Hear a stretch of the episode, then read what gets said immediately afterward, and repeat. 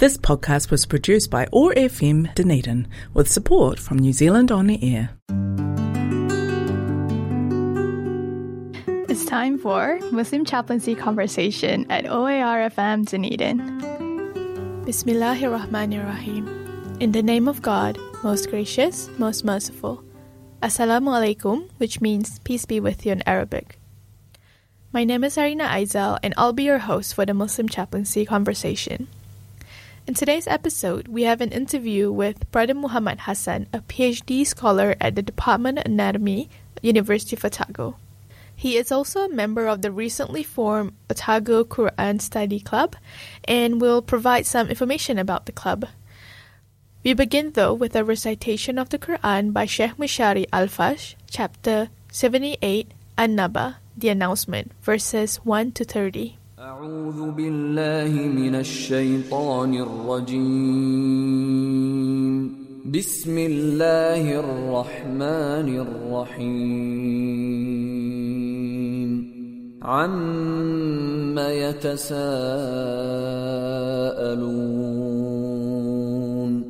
عن النبأ العظيم. الذي هم فيه مختلفون. كلا سيعلمون. ثم كلا سيعلمون. ألم نجعل الأرض مهادا والجبال أوتادا وخلقناكم أزواجا وجعلنا نومكم سباتا وجعلنا الليل لباسا وجعلنا النهار معاشا وبنينا فوقكم سبعا شدادا وجعلنا سراجا وهاجا وأنزلنا من المعصرات ماء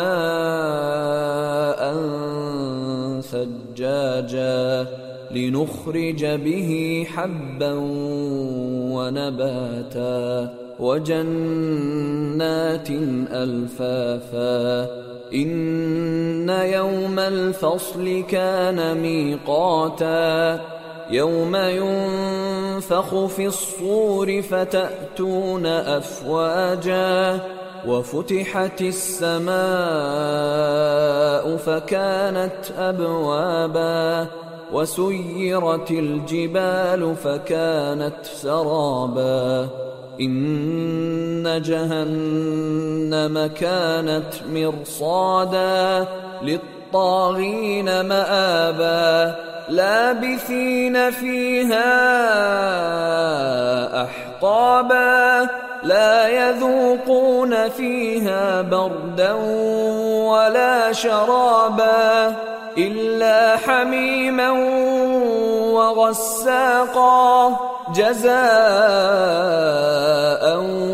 وفاقا إنهم كانوا لا يرجون حسابا وكذبوا باياتنا كذابا وكل شيء احصيناه كتابا فذوقوا فلن نزيدكم الا عذابا Translation of the recited verses.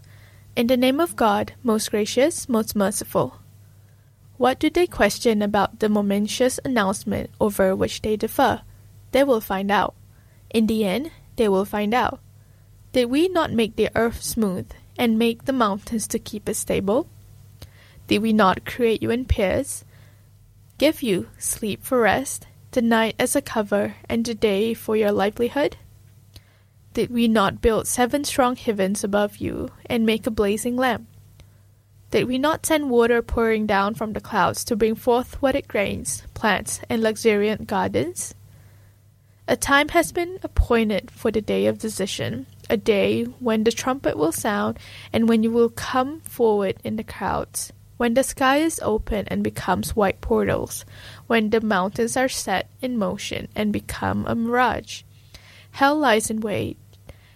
a home for oppressors to stay in for a long, long time, where they will taste no coolness nor drink except one that is scalding and dark, a fitting requel, for they did not fear a reckoning, and they utterly rejected our messages as lies. We have recorded everything in a recorder. Taste this.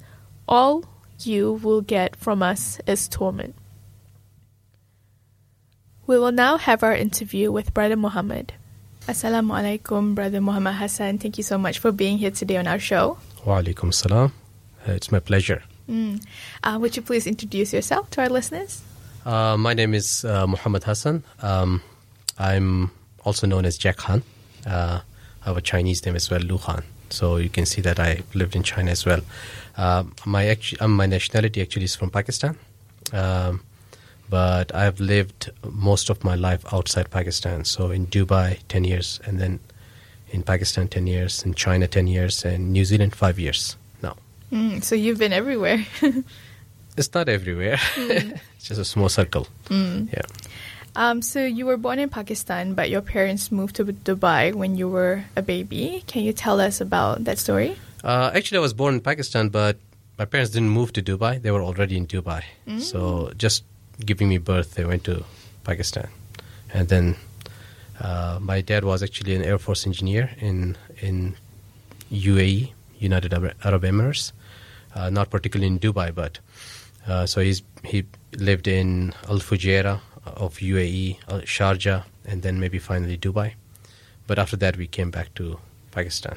Mm. And where in Pakistan were you born? Uh, it's a city called Nowshera. Uh, so it's in the province of Khyber Pakhtunkhwa. At the time when I was born, it was called Northeast Frontier Province, a name I much better like. Mm. Yeah. Um, what was it like being at school there Which part? in Dubai? It's a very good question. I don't actually remember too much. Or probably I don't want to remember.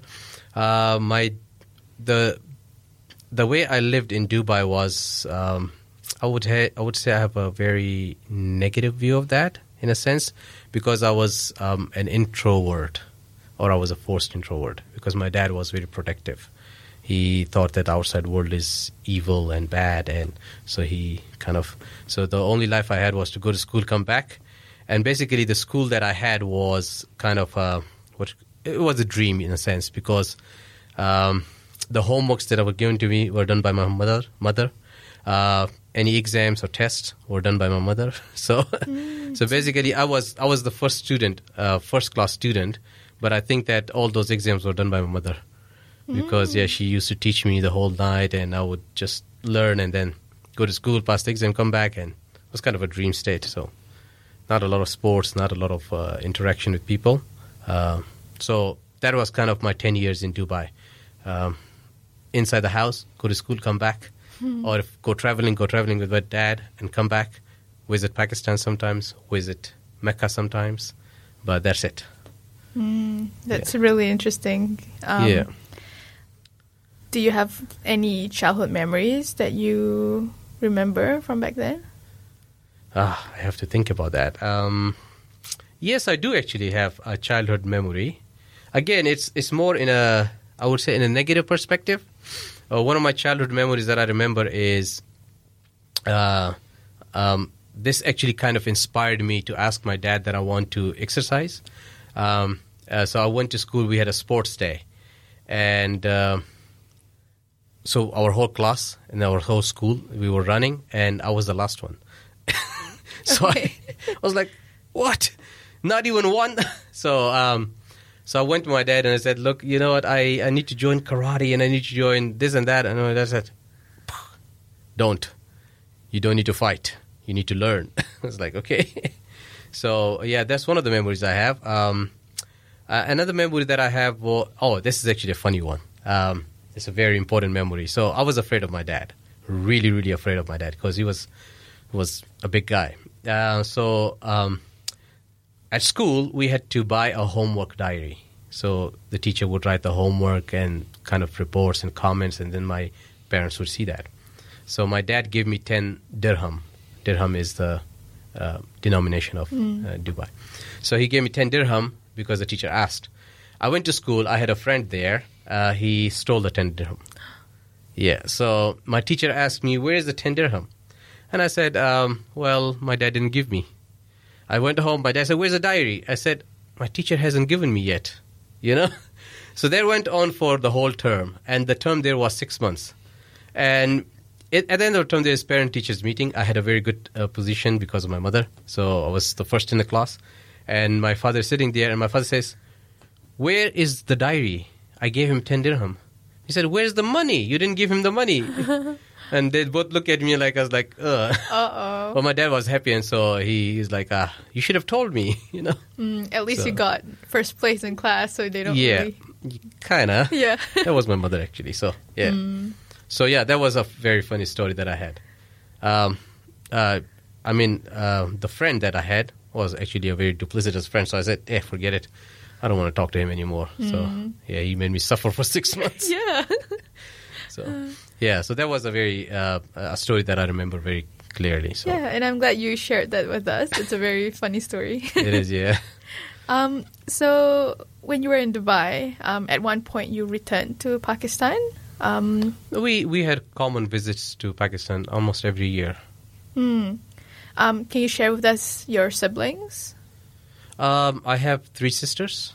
Um, I mean, the reason I have probably one of the reasons I have three sisters is because my mother wanted to have another son. So Yeah. uh, yeah, so after third, my mom decided, nah, that's enough. So yeah, so I have three sisters. Um, one of them is currently a doctor in in Pakistan. Uh, she's married. Uh, she has two kids. Uh, two of them are in Hong Kong, and they are studying in accounting and business. So yeah. Hmm. Did you have any religious studies while you were there? In Dubai? Yeah. A- apart from what our parents taught us, no, not a lot of religious studies. Um, it's kind of a common thing, uh, usually back home, that parents teach us how to pray, how to re- recite the Quran, and etc. And that's about it. Hmm. Yeah. Any questions asked about religion are usually not answered Hmm. because they themselves don't know a lot about religion. So yeah, that's that's the basic uh, edu- education I had. Um, this Ramadan, you have to pray, uh, you have to fast. Uh, it's uh, Eid, you have to celebrate. Um, you have to pray five times a day. Uh, what am I reciting? Oh, just recite. You know, this is important. Um, uh, you have to recite the Quran. You have to learn the Quran. Okay, but why? What is in the Quran? Or you have to just learn. It's important. That's it. that's the religious education I got in Dubai. Yeah. And now that you're an adult, do you think, um, you know, Oh, a lot of a lot of has changed? A lot has changed in as far as religion is concerned because I had to actually find the religion myself, and that I think is one of the better ways because then you know what religion is. Um, I mean, it's better to get the education, but if you look for it yourself and you're curious about it, then you find a lot more answers than than otherwise. Yeah. Thank you for sharing. Um, you also left Pakistan after a tragedy in the family. Can you share with us that story? Oh, okay. Uh, yeah, that is uh, quite a bit of tragedy because um, I was very close to my mother. Kind of, I think it's a usual thing for sons to be close to their mothers in our culture, I guess, or maybe any culture. Um, so, whatever I wanted um, from my dad, I would usually take it through my mother.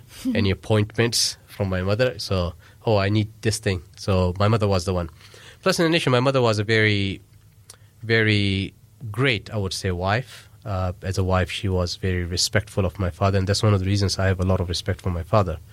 Because uh, if if I, I give you an example, if my father said that the sun rises from the west, and insisted upon it, my mother would say, "Okay, if you say so, you're right." So uh, that that's how my mother's relationship was with my father. Uh, she was very educated. Um, uh, she was she was the one who taught me my basic education, my English, my math, and everything. And on top of that, I was, um, I mean, you can imagine that I was an introvert. That means that I stayed most of the time at home. And when, when you stay at home, usually your focus is also at home. And then you become quite rowdy in a sense, naughty and do, do kind of things that are mischievous. And my mother had to bear a lot of that. Um, but she would tell me, like I remember, I give an example that to my family as well, so that she would tell me that in the end, when she couldn't bear my my kind of attitude or demeanor, so she would say, "I'm going to tell your dad." you know, but I rem- I don't remember any instance where she actually told my dad that oh he did this thing. You know, I would be scared, but I know that she she never did that. So I was very close to her, and she was a very nice person, um, very respectful of people, even her people who meant bad for her. She was very good to her. So naturally, um, the what what you call it when she was diagnosed with cancer, um, that was kind of a devastating time uh, because personally, I I just went into this dream zone, you know, just ignoring the fact that she has cancer. So I started becoming more and more alone, um, more and more kind of in a corner. And my dad noticed that uh, that I was kind of going into that zone. That's why when my mother passed away, his first reaction was that I have to go out now from from pa- Pakistan. Otherwise, I would stay in Pakistan. Uh, he said that uh, it's not good for you here because you have memories.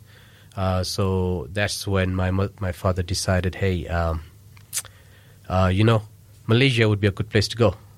Uh, unfortunately, I couldn't go to Malaysia because the person who was supposed to take me to Malaysia was a crook, and he took the money away and ran away. no. Yeah, so that was a very devastating move as well because it was devastating the fact that my mother passed away, and you know, cancer costs a lot of money uh, for the medication and everything. So my father also had business set up, just set up, and that also go, went south. So my my dad lost a lot of money. So then my dad said, "What to do now?" And so there was a kind of there was a newspaper lying, and there was this ad on it, medicine in China. And my dad said, "Yeah, this looks interesting. How about that?" And I knew about China a lot because I watched a lot of movies when I was young, kung fu movies, traditional Chinese kung fu movies, and I was very excited. I said, "Yeah, that that would be a good place to go." you know, China, kung fu. You know, and so uh, we went to the agent, and he got me the admission, and I went to China Um, to do medicine. to do medicine. Yes. Mm. Have you always wanted to do medicine before that? No, it's kind of. Uh, I mean, I I am good with medicine naturally, but uh, if I had a choice, I would be more in physics and math, mathematics. I was. My my dad is an engineer and he has a very technical mind, so I am kind of like that. I wanted to go to physics and um, mathematics, but it's it's also one of the common trends in our place that you got to be a, become a doctor. It's a respectful job and lots of money. So so that's that's the reason I was pushed towards medicine more. So you've had your impressions about China, like kung fu and everything. Oh yeah, Um, yeah, yeah. And when you were there, what was it like? Oh, uh, I mean, you can imagine the first uh, time when I went to China and I, I got off the airplane, and I was expecting, you know, in the, kind- the kind of that immature brain of mine, I was thinking like, you know, everybody will be doing kung fu and these people will be wearing tr- traditional Chinese clothes. And when I went off in Shanghai, I was like, what is this? This is a city, you know? So just like Dubai, you know? So yeah, no, that was like, there was no, yeah, kung fu there Yeah. generally generally people most of the people don't even know uh, anything about kung fu so yeah so it's very it's very rare to find a person doing kung fu in china Um, so while you were in China, did anything interesting happen when you were there? um, a couple of things uh, one of my first uh, and i'm not saying this in a negative way but one of my first impressions was when i went to um, so we, we when we were going to shanghai we had a stay over in uh, a city called urumqi. So urumqi is a city in xinjiang province of china which is a western province of china. And uh, we we had a dinner there free dinner. So we went to the dinner me and my friends. Uh, we have we had a group of pakistani and afghani students and so we were sitting and we were eating dinner and then we wanted to drink water so we asked one of the waiter who could speak waitress actually she she could speak um, english so we asked her we want water he said she said uh, water you had to buy beer on the other hand is free Oh, okay. so I was like, "What? you know, we need water." So we we had to buy water, basically. So I was like, that was kind of surprising. Um, but then when when we went to Shanghai and we went, we reached our destination in uh, in Suzhou. Suzhou is a city near near uh, Shanghai, And in in Chinese, there's a saying that Suzhou and Hangzhou are heavens on earth, because apparently they're very beautiful cities. Uh, so when we reach our university, we thought nobody knows about us because nobody came to meet us. But we were like, the university doesn't even know we are here. Like, no person came to see us, no agent, no nothing. What are we doing? But they knew that we were there. Uh, and they actually sent us uh, messages and everything that you guys go, gotta go there, gotta go there, and they knew where we were, and they told us the rules. You cannot have major gathering and everything. So, yeah, so that was another impression of ours. Um, uh, third impression of mine that was very interesting was that our our professors in the university, because uh, for us the professors and these kind of people they are very elite and high class people, but like one of our one of our professors, he was quite quite well well to do. He had written books and chapters and everything, but he would drive this bike, ride this bike, which was which looks like a kid's bike with small wheels, and we thought we would never ride this bike, and we, we realized that the, pe- the people are quite humble. So that was one, another impression of mine. So, Yeah, probably I, I will add another one as well. One of the problems that we had was food. Um, I was okay with it. And I think that if people from Malaysia or Indonesia, they will also be okay with it. Um, but my friends, they weren't okay. They had problems eating uh, the noodles and everything. It was like, we can't eat anything. So they, they didn't eat for two or three days. And if they tried to eat something, they would they had to go to the toilet several times. So, so yeah, that was another issue. But other than that, everything was fine. The people were really good. Uh, they, they thought we were foreigners, so we were kind of put on the pedestal, taken care of. So, yeah. It's good that you had a good time there. How long oh, were very you good there? time. Yeah, How long were you in China? ten years. Hmm, that's a long time. too. It is. Yeah. Yeah. Yes. Um, and at what point did you choose to come to New Zealand? Uh, yeah, that's a very good question. Um, so in, in China, I did my bachelor's of medicine and bachelor of sur- surgery, and uh, I, I I didn't know what to do after that. So um, I just I mean, kind of instinctive. I went for masters of surgery uh, in Zhejiang University. It's one of the best universities in China. But uh, um, what I saw was I felt like it was not going anywhere. So uh, there were a few issues as well. Um, so my wife actually said that you know what you got to get your resume better uh, because you're a, you're an international student, and if you want to stay here, you could stay here. But I think that it's better we go to a foreign country. So she actually was the one who found the University of Otago, um, and because there's a good Chinese community here, so through them she found the University of Otago, and she said, "Oh, you know what? Why don't you apply?" And so I applied to one of the sup- one of the professors in toxicology, and he was a very kind professor. He he was retired, but he actually replied to me, and he said that, "Look, I'm going to retire. I'm done." you know, but I suggest you apply to these professors, these supervisors. They are good supervisors, and they will help you have a very good resume. So I applied to them, and then one of the supervisors chose me, and I came here. Were you on a scholarship? No, I wasn't. Uh, Probably that was my mistake. Probably. I don't know if it was or not, but I was asked about scholarship by my supervisor, and my answer was probably because the way I was brought up wasn't very straightforward. So I said, um, you know, uh, uh, if you give me, that's great, but if you don't, that's fine. I'll pay, and so I had to pay. Interesting. Yeah. yeah. Um, so you started your PhD. When did you finish? Uh, it took me much longer. It took me five years to finish that. Mm. Can you tell us about your research? So my research uh, was basically uh, we worked on animal models, trying to discern the mechanisms of absence seizures.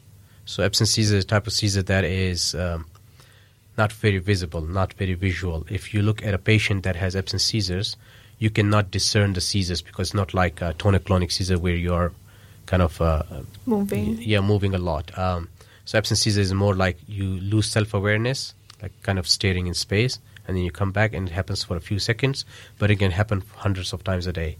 Uh, so our basically the research that I was doing was part of a series of steps uh, where uh, we wanted to find what is the basic mechanism that these seizures actually originate. And so that, that basically was it, and we used animal models for that. So.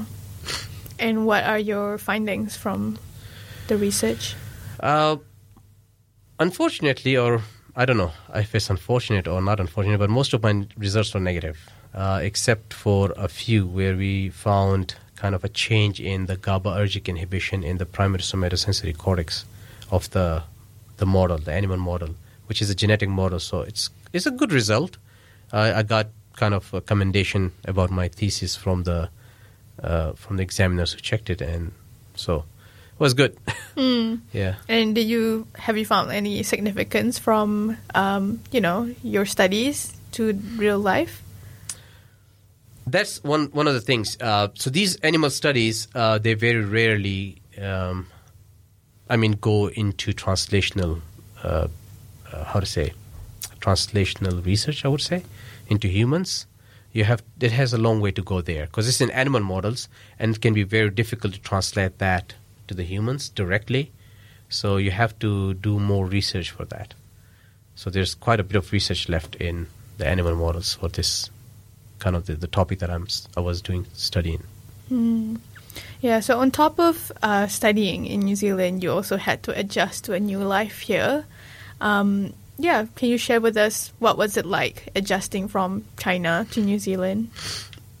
Uh, I mean, there wasn't a lot of adjustment that was required, personally speaking, uh, because apart from the language, there wasn't a, a, lot of difference that I could see between China and New Zealand. Uh, personally speaking, this for me um, and my mindset. So um, I would say that uh, when I moved to China, that was my first freedom from home. You can say that.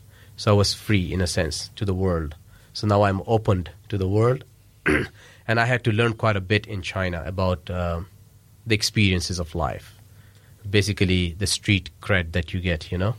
And so it continued here in New Zealand and that's one of the reasons why I spent five years in my PhD rather than three years, even though my research could have been done in less than three years.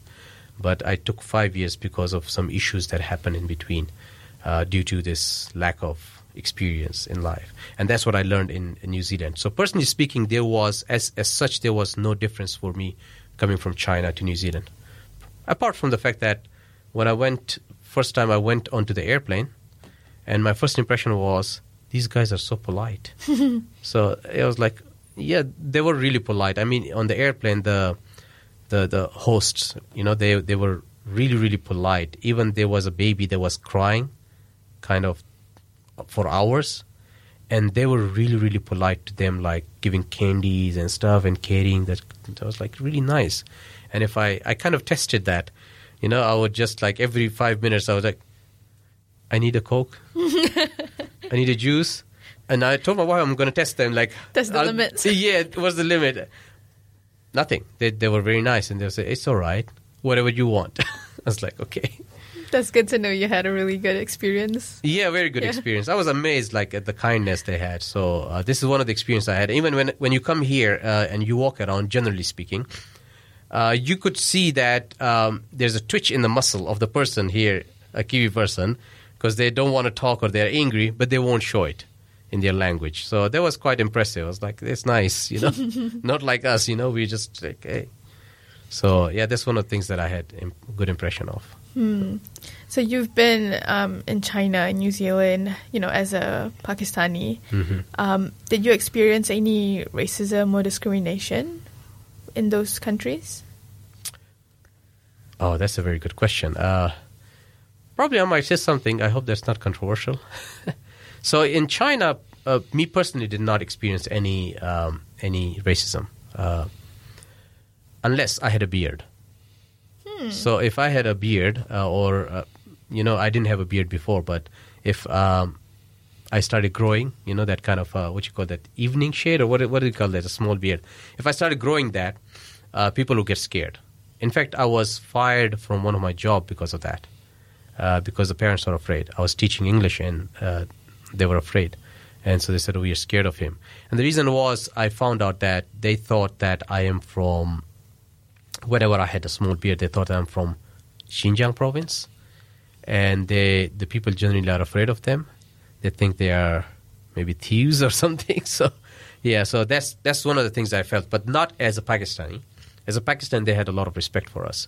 But as if they thought that we are from there, then they would like. I mean, like I remember I was once once on a bus, and I had a small beard going on, and so these people around me, and I was with my wife, they suddenly started hiding their pockets, like literally looking at me like this, and they hide their pockets. I was like, "What's going on?"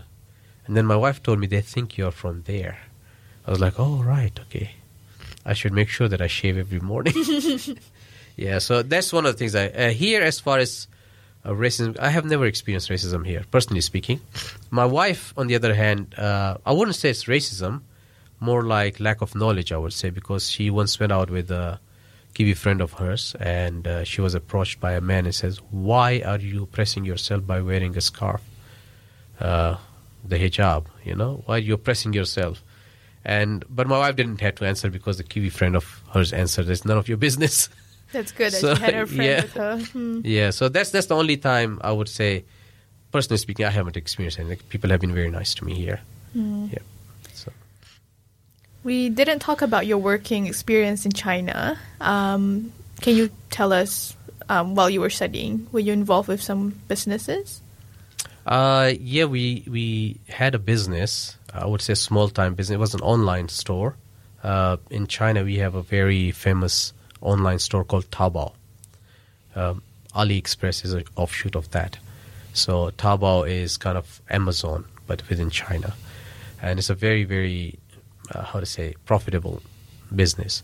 Uh, so at that time, we had skincare business as well, but it was more designer style, like these Chanel's and what whatnot, Gucci's and stuff. So um, we we had that business, but with that, I also uh, had a part time job teaching English.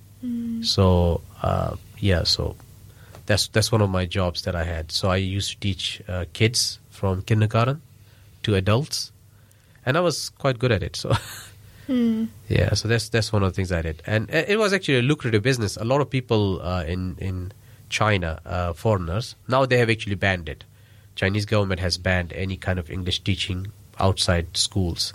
Uh, all schools have been closed. Uh, but generally speaking, uh, it was a very lucrative business as far as teaching English is concerned. Uh, very high paid, especially if you looked more like a Westerner. so they get paid quite a good money amount of money. So a lot of uh, Russians, even a lot of Ukrainians, a lot of Indians, a lot of Pakistanis, a lot of Afghanis, they used to teach English, whether or not they could speak English. So uh, yeah, That's interesting. Yeah. it is it is quite interesting, and I, I, I remember this is a funny story. Uh, uh, I went to this school where I taught uh, English, uh, uh, so I was I was new there, um, and this I went to the class and I asked the kids some questions, um, mean some words uh, on the board, and I said, "What is this?" And they they were so if let's say for instance there was a F R I D G E, which is fridge, and I said, "What is this?" They would say, "Fridge." right? And then I would say, okay, P L A T E, what is that? They would say, flate. So I was kind of confused because in, in my country, there is a city uh, where there the people, they usually convert the F into P and P into F. So if they speak to you, they will say that way. And I was like, who taught you before? I was like, that guy. Oh, all right. Okay, that's the reason you're saying The it that way. yeah, so, and that guy was a very, very nice guy, but it was kind of a lucrative business, so people earned a lot of money. But now the government of China has stopped that. Yeah. I'm glad the students know the difference between PFF now. No, I, I, I taught them. I, I to, just told them that, you know, maybe you heard wrong. So, yeah. yeah, so, uh, Um, and now in Dunedin, you manage a business here too. Uh, yes, uh, when we came here, uh, the first thing that was, uh, and this is my personal, uh, uh, how to say, um, Would say character or thinking. It has nothing to do with other people. It's just my own uh, thing. So my my wife, because I was now paying for the university, and working time was very less for me. So we had to earn money somewhere, and so my my wife first looked for a job, but then I, I thought, you know what? I personally speaking, I'm not feeling comfortable looking for a job, so we started a business, something we were good at. So we opened a natural organic skincare business. So yeah, and that has been running for the last three years now. That's amazing. And yeah, she's been managing that, and she's been very good with it. Uh, I think that her background education, which is international business, has been useful. Mm, So yeah. So um, she's been importing and exporting as well outside Dunedin. Uh, we are generally speaking a retail business. So we source products from Australia, from New Zealand, from America, from France. We have done that from UK. We have done that as well from Canada, uh, from India as well. Uh, so and then we export them or we sell them here. And then uh, with that, we also have uh, a friend in uh, China who is a designer, and she makes handmade flower girl dresses. So we we also do that business. So we design the dress, and she makes it for us, and then we just sell it here. So it's a very high quality dresses that we sell. Although it's at a lower price, so people get confused that it might be some cheap product. I think we should, given the inflation, we should raise the prices down.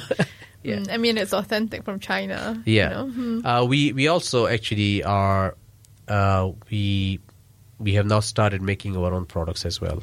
So yeah, that's the second part of our business at the. That's moment. amazing. Yeah. You also support people with mental disabilities. Uh, that's actually one of my jobs that I did on weekends. Uh, uh, it was introduced to me by a Pakistani friend of mine. Lucky, yeah. I, I wouldn't have looked for it myself, but it's a, it's a it's a job where we support people with mental disabilities or mental incompetence or any other kind of problem. Um, yeah, so it has been very good experience for me and actually kind of motivated me to go more into brain research. Mm. So, what do you actually do? support people. no, it's it's nothing. It's a very easy job to do, generally speaking. Uh, you can get people who are violent, and I have been attacked several times. But the, the what we do is we kind of support them in life, how to do things, what to do, what what to eat, what not to eat, uh, protect them from danger, uh, and if there's kind of em- emergency, we deal with that situation as well. Uh, so yeah, that's basically it. Mm. Are you doing any volunteer work as well? Um, probably at the mosque. Mm. Yeah. Uh, the thing is that during these five years, I've been so involved with. Uh, this is the thing, you know, when uh, it's it always depends on the way you live your life uh, or the way you have been brought up. So for me, generally speaking, uh, my PhD was kind of like a life learning experience, um, where I learned the the issues of life and how to deal with them. Uh, that was my learning time. My, like a lot of my friends, they actually learned these things when they were young, but I had to learn it now in the PhD. A kind of uh, uh, God's way of telling me, like, you know what, you gotta get up and do something. Uh, so I was more focused during this time on that. And uh, during my PhD, I faced a lot of situation in my lab uh, due to the the way I was living, due to the way my attitude was. So, for instance, um, my supervisor, in in a sense, right? Uh, I, I can give you an example of a, a kind of a facet of what happened. So, given that I was very, uh, I was brought up in a house where my dad was quite dominant and he did not give me a choice in a sense, and he kind of made me an introvert. I'm not saying that my dad is bad, but it was his way. Uh, so, I was very agreeable. You know what I mean, right? So if somebody says something, I say okay. If somebody said I'm wrong, okay, you know. So when I was in the lab, this is what happened. That let's say I give an example that I was working in the lab, I'm doing my experiments, and some other lab members of mine have done some mistake in the lab, maybe put something in the wrong place. My supervisor comes and she finds out and she says, "Hey, hey Muhammad, why did you put this there?" And me, rather than telling her that, look, it's not me, somebody else did it. I said, oh, okay, I'm sorry, I'll put it in the right place. Unbeknownst to me, she was, I thought I'm doing something nice and something good for someone. She was actually putting that in a file. You know, you know what I mean, right? Mm. And so this went on for one year. And in my one year meeting, I faced my my supervisor said, "You know what? He has been very very negligent in the lab, and he did this, and he did that, and he did that." I was like, "Oh no, I made a mistake," but I didn't know what the solution was. I, I was quite depressed in that. I was like anxious, and I had I had started having having panic attacks, and so I was like, "What what to do now?" But I, I got a lesson in in the lab actually.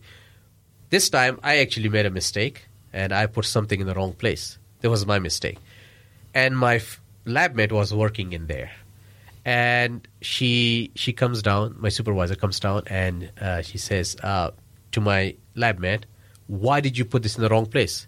His response was, It's not me, he did it. I was like, There you go. That's my answer, you know? So this is an example of how I learned my lessons, and so most of my focus was in there. So I did not get a lot of time uh, in volunteer work. I did a few volunteer works in the in the mosque, but after my as as my PhD approached the end, I learned my lesson. I took my what you call it. I started captaining my own boat of life, you know, my own ship of life, and so I started uh, taking part in differences. So, for instance, now I'm in the Pakistan Association of Otago. I'm a multi-ethnic lead in there um, and I've done some stuff in there as well. Um, and then I we have the Quran uh, Quran study group in the mosque. It's also recognized um, and registered.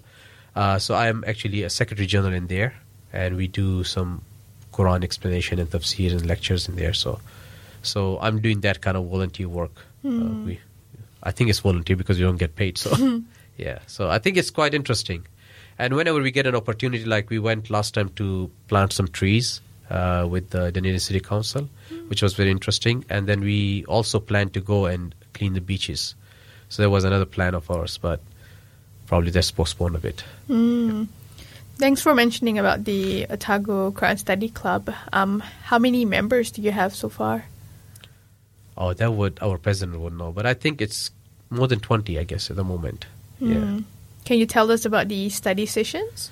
So the study sessions we do every Sunday. Uh, it starts at uh, around noon, 12 uh, p.m. Uh, and what we do is we choose. Uh, we have started the surahs from the back of the Quran. So we start with the small surahs, and then uh, either me or the president of the uh, Quran study group, uh, depending upon who whose turn it is. Uh, so we we choose the surah, and then we prepare a lecture for that. So from the tafsirs of the Quran, that has been done a long time ago, and different lectures, and we combine that, and then we have a discussion in the Quran study group with the different people, and it has been quite productive because we discuss about the issues we face, and then we get the solution as well by discussing with each other. And if there are some contemporary issues, we discuss about that as well. And it's a very amicable environment. We learn from each other. Uh, we never let the discussions heat up, and I think people are understandable in that. So it's it's quite useful. It's great for people to understand the Quran because you know it's sometimes it's really hard to um, understand the big words as well. Yes, yeah, it is. It, it can be very useful. In fact, uh, I would say that I did not do the tafsir before. I used to do the translation, but now that I do the tafsir, I actually remember the meaning of the surah, and that's have been very useful. So, for instance, when I'm praying salat, uh, the prayers, the five times prayers, and I read that surah, I actually know what it means, and that has been quite useful. So, yeah, it's it's working very good. I hope it holds on. So that's what we will try to do. What other activities do you do with the club? Uh, yes, uh, one of the things is that one of the most important uh, concept that we have is imp- uh, implementation. So what we learn, we want to implement in our lives. So, for instance, we have this concept that uh, hey, uh, uh, Allah says in the Quran that you gotta help the orphans and the needy.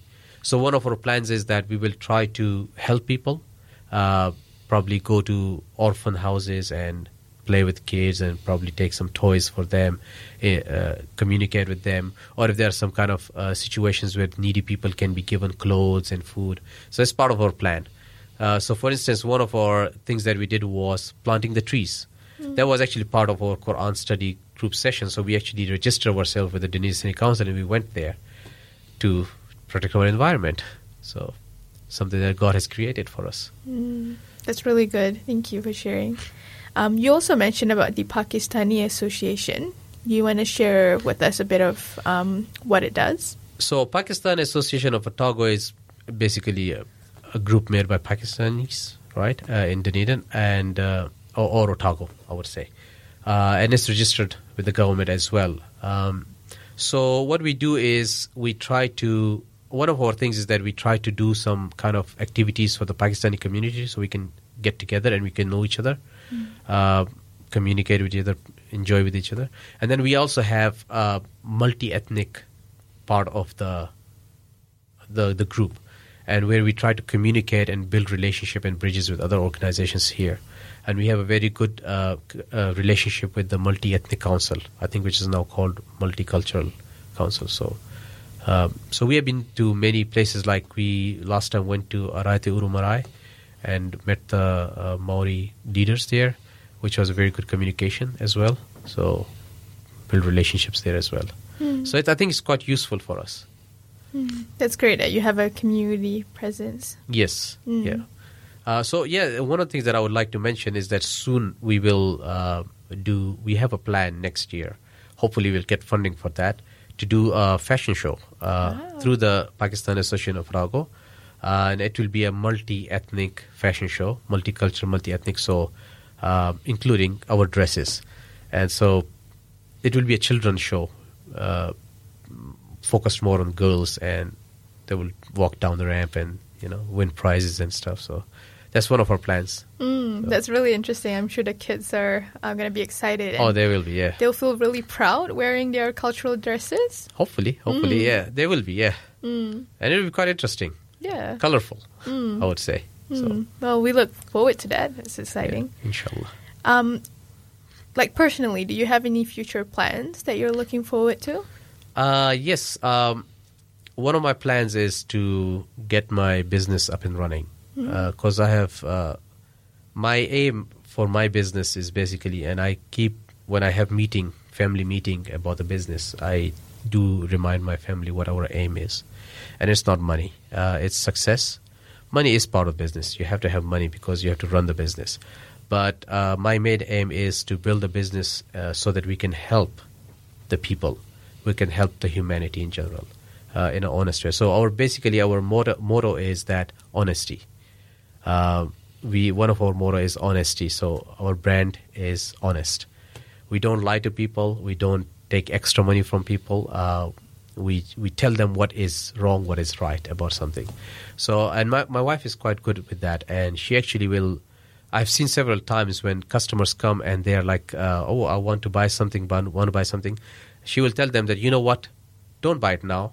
Think about it, what you need actually. Don't buy extra stuff and waste your money. And I was like quite quite impressed with that. I'm like, this is really good, you know.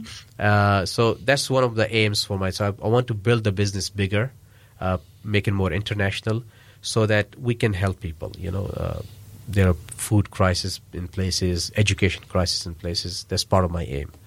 Um, as far as my medicine is concerned, uh, I do want to go back to medicine, but this time with a different aim. Not the aim that I was taught when I was young that, hey, you gotta be, uh, you know, people will respect you and you will have a lot of money, you know, uh, something that is called a proletariat. I don't want to become a proletariat. Uh, uh, what I want to do is I want to learn medicine. I want to go back and retrain in medicine so that I can actually go around the world and help people because a lot of people have no access to medicine. So that's one of my other aims. And then, uh, as far as research is concerned, I also have quite a bit of interest in that.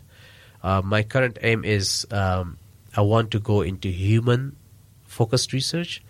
Uh, I want to try to learn more about the brain. And one of the things that I want to do is brain mapping to map the human brain. Although it's very, very difficult because each person's brain is quite different, uh, given that we are higher level thinkers and we have consciousness. So it will be a difficult task. But I think we can get the basic picture there. Seems like there's a lot of plans. A lot of plans. I hope. I hope I have enough life to do it.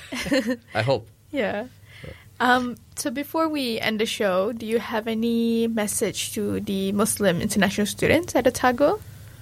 Uh, yes, actually, I think uh, one of the things that I would say is uh, if you actually want to do something, uh, just do it. Uh, don't wait and beat around the bush. Just do it. If it's a good thing, just do it. A second thing is learn. Learn about life and how to live it. Don't live in a fantasy world. It won't do any good. Don't go into movies or reading books or comics just because you want to get yourself lost in the, another world. If you have any issues, face them because that will help you a lot. You will learn from them. So that's my message. Thank you so much. Um, I feel like you know you did really well sharing your story, and um, you know people will learn a lot about what you've said today. Thank you. Hopefully, yes. yeah, thank you. No worries. Now we listen to an Islamic song by Irfan Makki and Maher Zain entitled "I Believe."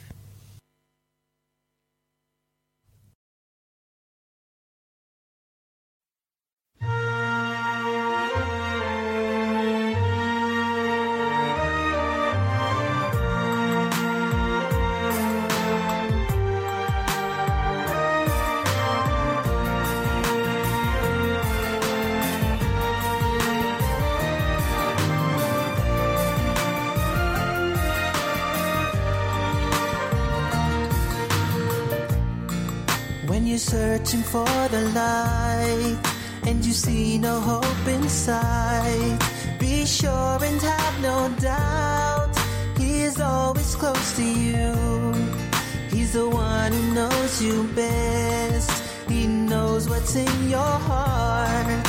You'll find your peace at last if you just have faith in Him. You're always in my heart and mind. Your name is mentioned every day. I follow you no matter what. My biggest wish is to see you one day.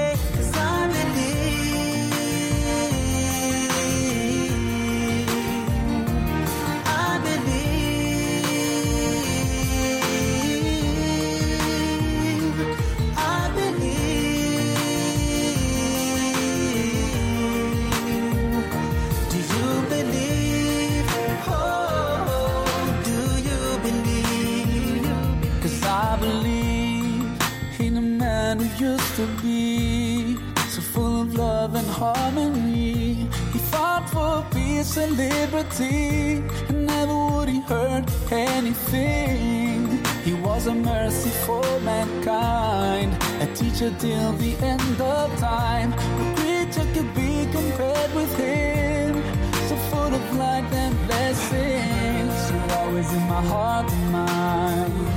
Your name is mentioned every day. God wills for me one day.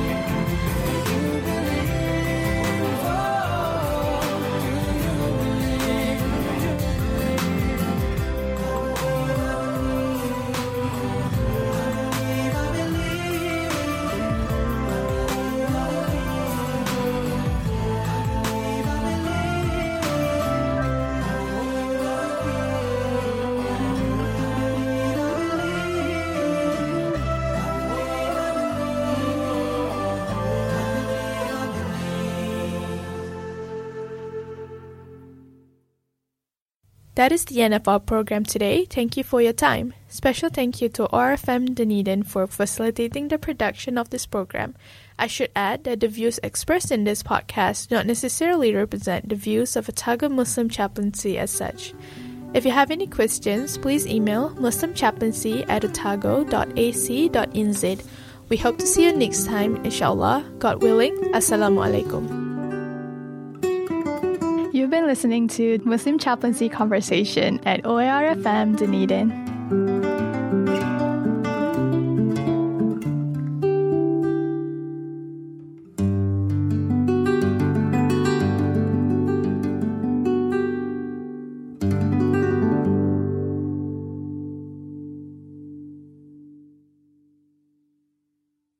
This podcast was produced by OAR FM Dunedin with support from New Zealand On the Air.